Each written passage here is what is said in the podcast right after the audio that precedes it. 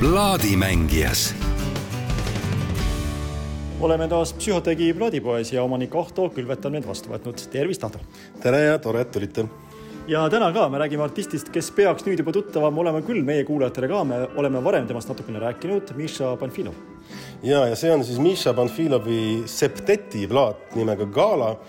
noh, Miša Panfilovil on väga palju alter egosid, muuseas ta on ka plaadikujundaja Hans Mambo nime all, et ka see plaat on tema kujundatud, et see jääb väga hästi silma. pildi autor on küll Toomas Kuusing, aga siis siin on näha seda Miša Panfilovi läbivat kätt oma plaatide kujundamisel ja see on üks selle, selle poolest erinev plaat, et et siin on siis septett ütleb ära, eks, et siin on seitse inimest mänginud, see on kahe päevaga põhimõtteliselt laivis salvestatud ja seal oli kaks kontserti oli ainult kaks kontserti maailmas, üks toimus Stockholmis, üks toimus Tallinnas ja mina laisa inimesena Tartust võtsin selle tõe ette, läksin kohale, ostsin isegi särgi endale ja olen ülimalt rahul, sest see oli üks vapustama sound'iga kontsert üldse, mis, mida ma kuulnud olen.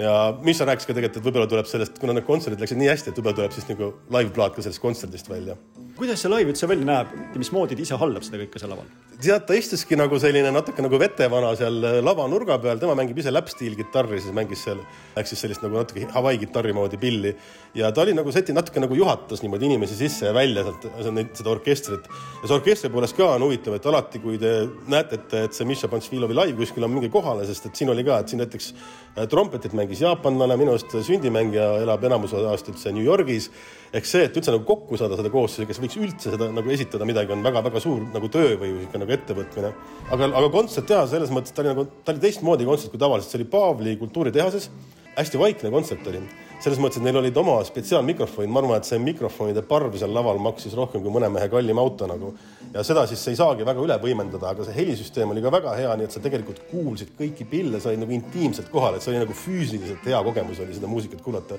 ja seda enam ma arvan, et see plaat peaks tulema välja, noh, see kontsert ka et see oli nagu teistmoodi. Ja natuke oli naljakas see, et indikatiivne oli see, et siuksed Paavli, see on siuke rokiklubi rohkem, eks ju, et seal on ka siis baar on samas ruumis, kus on saal ja lava. Ja seal oli siis kuulda seda baari nagu askeldamist. et aga tavaliselt see ei ole probleem, sest nagu roki, rokis see võimendatakse nii üle, et sa ei kuule mitte midagi, onju, aga seal sa istusid ja kuulasid nagu, nagu noh, see oli lihtsalt ilus, see oli lihtsalt nagu karvad tõusid püsti seda, seda muusikat kuulates kas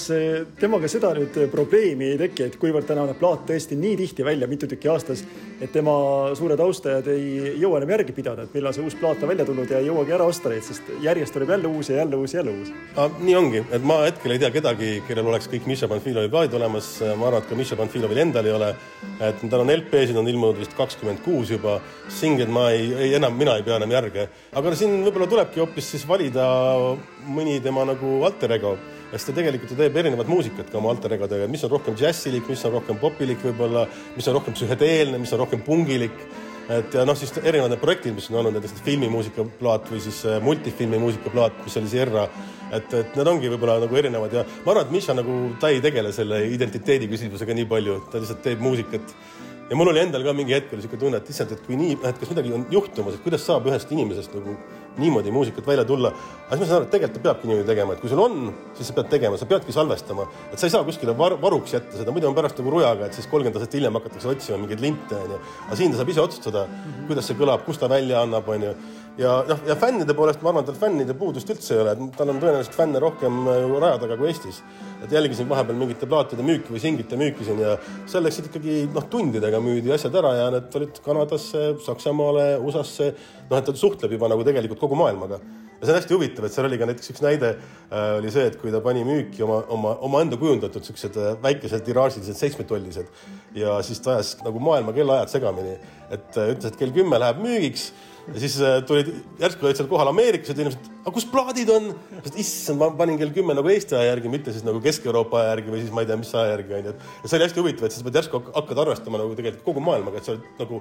kohal igal pool. me ei räägi mingist Tallinnast või Tartust ainult onju, vaid, vaid reaalselt nagu ja siis see nagu ajavööndis olemine oli minu jaoks niisugune märk, et okei okay,, siin on mingi päris uus tase olemas